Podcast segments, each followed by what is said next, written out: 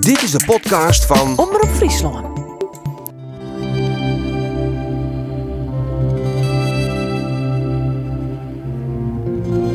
Welkom bij de podcast Het Virus en ik. Vier persoonlijke verhalen over de impact van corona. Seizoen ik live verteld weer op de verhalenjoen. Maar ja, ik hier is het virus spulbrekker. In het laatste deel het verhaal van Marcelle Mulder, adviseur geestelijk zwarg bij Adrijn Zwargorganisatie Patina. Moed is de titel. Een verhaal over Adrijn in die eerste golf. Het voelde helemaal niet goed. Als geestelijk verzorger moest ik, net als een aantal collega's bij Patina, tijdens de eerste coronagolf thuiswerken. Maar mensen werden ziek bij een aantal locaties. Bewoners, medewerkers, leidinggevenden.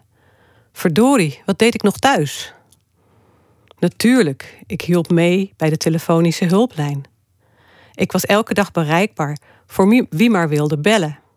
In gesprek over hoe het hen verging, over hun angsten, bezorgdheid, onmacht. Hoe belangrijk dit werk ook was, ik wilde naar de locaties. Ik wilde bewoners ondersteunen. Die zaten hier immers ook helemaal middenin. Vooral op de locaties waar corona heerste. En gelukkig, ik mocht komen. Niet bij de mensen met corona zelf. Zij werden apart verpleegd, daar mocht ik niet bij. Maar wel bij de andere bewoners van de locatie waar corona heerste. De verzorgenden wezen me op mensen voor wie het leven, ondanks hun goede zorgen, wel heel erg zwaar was geworden. De lockdown was voor mensen in zorgcentra immers nog strenger dan voor de rest van de Nederlanders. Mensen mochten niet naar buiten, niet aan de wandel, niet in de zon zitten. Familie mocht niet naar binnen en de bewoners moesten meerdere weken, dag en nacht, op hun kamer blijven. Dat was voor velen heel zwaar. Voor die meneer bijvoorbeeld, die uitgerevalideerd was na een hersenbloeding en die midden in de lockdown bij Patina kwam wonen. Helemaal alleen dus. Voor de mevrouw, die haar nog thuis wonende, wat eenzelvige man nu niet meer kon opfleuren tijdens zijn bezoekjes. Voor de mevrouw, wier man midden in de nacht, stilletjes in het bed naast haar, was overleden. Naar zijn begrafenis durfde ze niet. Voor de mevrouw die verscholen in een hoekje in haar kamer zat en vreselijk bezorgd was over haar vriendin verderop in de gang. Allemaal mensen die geen corona hadden, maar wel getroffen waren door het afgesneden zijn van hun dierbaren. Ik bezocht hen wekelijks en we raakten vertrouwd. Langzaam gingen ze vertellen over hun lange, lange levens, hun zorgen, hun verlangens, wat hen vreugde bracht, waar ze moed uit putten. En ik zocht met hen naar bronnen van inspiratie en moed om het vol te houden. De meneer die vanuit het revalidatiecentrum naar Patina was verhuisd, was zwaar in de rouw.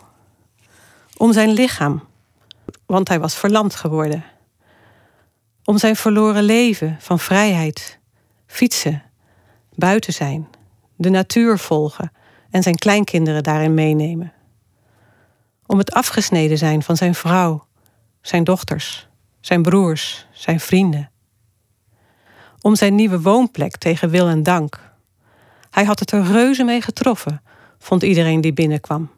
Ikzelf in kluis. De kamer was immers ruim, had een prachtige lichtval en mooi uitzicht. Maar ik zag hem verkrampen als we dat zeiden. Ja, dat kun je wel zeggen, zei hij dan, maar voor mij is het een gevangenis. Hij bleek erg van poëzie te houden. Na afloop van onze gesprekken las ik hem elke keer een paar gedichten voor uit de serie Mag ik je omarmen? Een schrijnende titel in deze tijd. Want omarmen was wel het laatste wat mocht.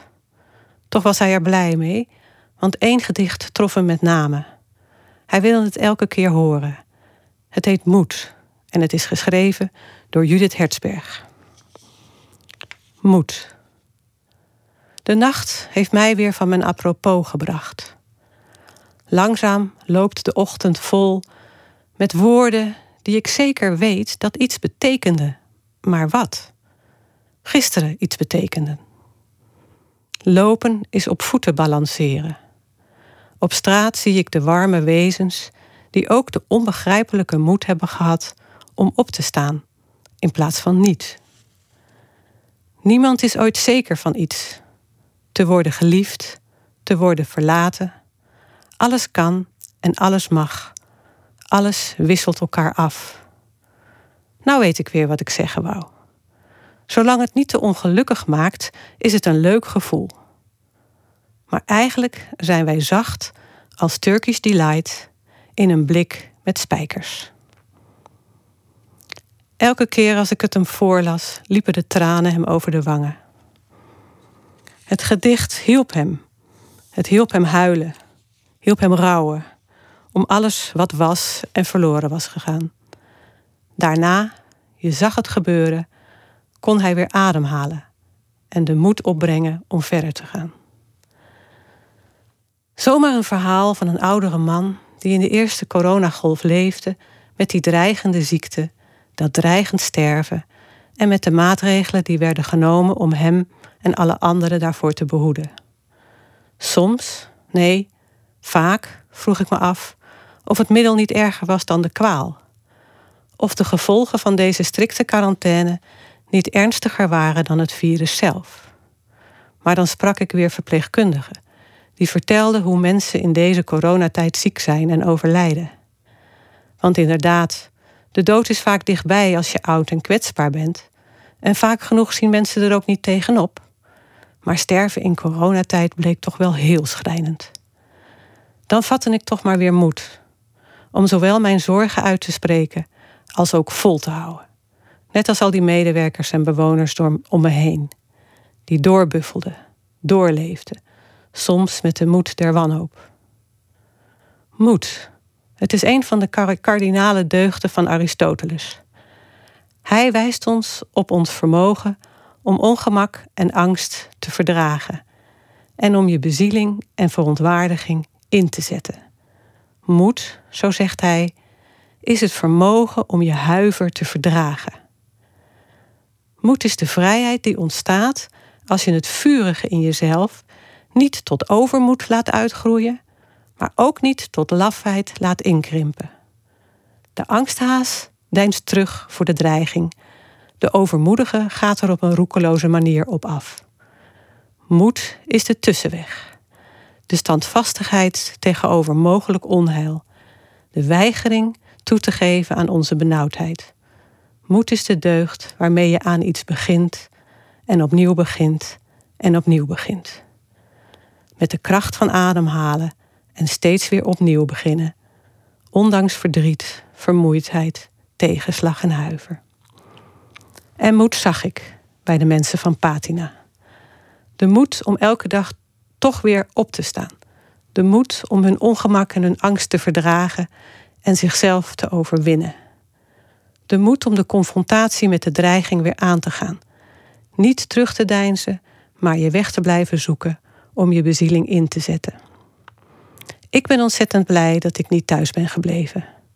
De verhalen van de bewoners van Patina, van hun familieleden en van de medewerkers hebben mij de moed gegeven om ook nu, nu we weer ernstig met het virus te maken hebben, niet thuis te blijven, maar manieren te zoeken om mijn bezieling in te zetten. Samen met hem, samen met u. Dank u wel.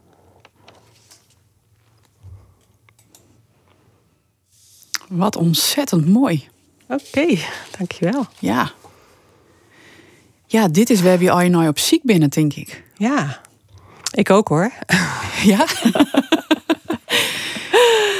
ja, je moet elke keer weer de moed verzamelen. Dat is, dat is zo. Ja, maar eigenlijk jouwt het heel goed worden om um, jaar naar verlangen, denk ik. Hoe bedoel je? Ja, iets van treest om toch uh, op te. Hè? Om die moed te vatten en ja, het in het oors van matten. Ja. Ja. En hoe doe jij dat? Ja, ik moet je eerlijk zeggen dat ik soms ook heel bedrukt ben. Dat ik soms ook angstig ben, dat ik soms ook bezorgd ben. En dan laat ik het maar even komen en dan denk ik maar, ja, wat heb ik nu nodig om weer, wat heb ik nu nodig hè? om weer energie te krijgen, om weer het te durven, zeg maar. En wat heb je dan nodig? Hoe? Ja, dat kunnen hele simpele dingen zijn als naar buiten gaan, wat deze meneer dus niet kan. Ja, nu gelukkig weer wel, maar toen niet. Naar buiten te gaan, gewoon eh, naar de natuur te kijken, naar de waanzinnige kleuren nu van de herfst. Uh, maar ook door contact te zoeken met mijn dierbaren, door uh, lekker eten te koken, ja, door mooie muziek te luisteren, me te verliezen in een boek. Van alles en nog wat. Allemaal kleine dingen, zouden we vroeger zeggen. Maar uh, ja, misschien ook wel wezenlijke dingen. In ieder geval dingen die mij dan helpen, die mij dan weer op gang helpen. Ik herken dat wel, want ik, uh, uh, want ik viel die angst, ik de angst van de wereld, zuur, van eh, hoe komt dit? maar ik wil ik net mijn lijden toch angst, dus dan denk ik, oké, okay, hup, maar weer een blokje om. Even de natuur in. Ja. Is dit ik iets waar we dan van leren kennen? Ja, dat weet ik niet. ja, ik merk meer dat je kan, ja, misschien kan je leren om beter te voelen wat je zelf nodig hebt. Uh, in plaats van, wat ik ook vaak heb, dan toch maar weer te kijken op een website, wat de cijfers dan nu weer zijn. En me nog verder bedrukt voelen en me nog verder in de put voelen. En een soort spanning ja, blijven opzoeken, eigenlijk. Ja, en, herkenbaar. Ja, dat, en het is ook bijna verslavend om dat te doen. En dan toch te zeggen: nee, nee, nee, stop, stop, stop. Weg nu. Huppakee. Ja.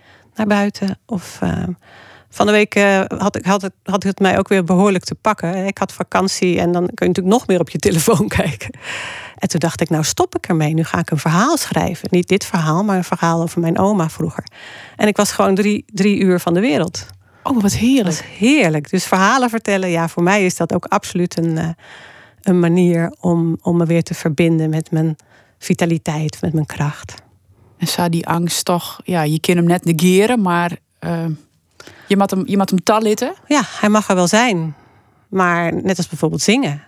Zingen helpt ook om gewoon een paar uur van de wereld te zijn. Gewoon in mijn geval dan Franse chansons met een club vrouwen die daar allemaal weg van zijn. Ja, dus ja gewoon ergens heen gaan. Ergens heen gaan in, met je geest, met je energie.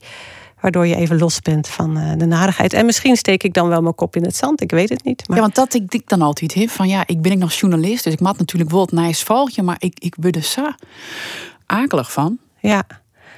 Ja, nou ja, ik denk altijd maar... Nieuws is ook een product. mensen van, uh, van kranten en media moeten ook hun geld verdienen. Dus die gaan niet het allerleukste nieuws. Nee, uh, maar het is op het heen ik het leuk nice. Nee, maar ze vertellen bijvoorbeeld niet. Wat ik van de week erg leuk vond, was. Uh, uh, ik weet het niet eens meer. Nou ja, in ieder geval dat nieuws over dat dorpje, wat het zo goed had gedaan. Uh, iedereen in quarantaine. Terwijl ze zo gehecht zijn aan elkaar, toch even drie weken doen. Ik weet niet meer welk dorpje het was, maar dan. Nou, dan wij zijn ze nu een voorbeeld voor andere dorpen. Er is soms ook gewoon goed nieuws. Ja. En dat bereikt ons meestal niet via de, via de gewone media. Dus dat moet je zoeken. Ja. En dat ik, heb je ook nodig. Ik denk dat deze podcast zeker helpt. Ja, ja, dat denk ik ook.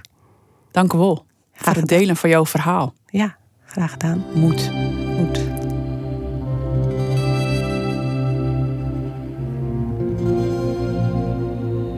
En dit wie dan de laatste in de serie van Vief, het virus en ik.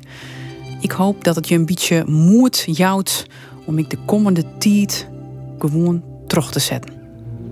Bedankt voor het luisteren.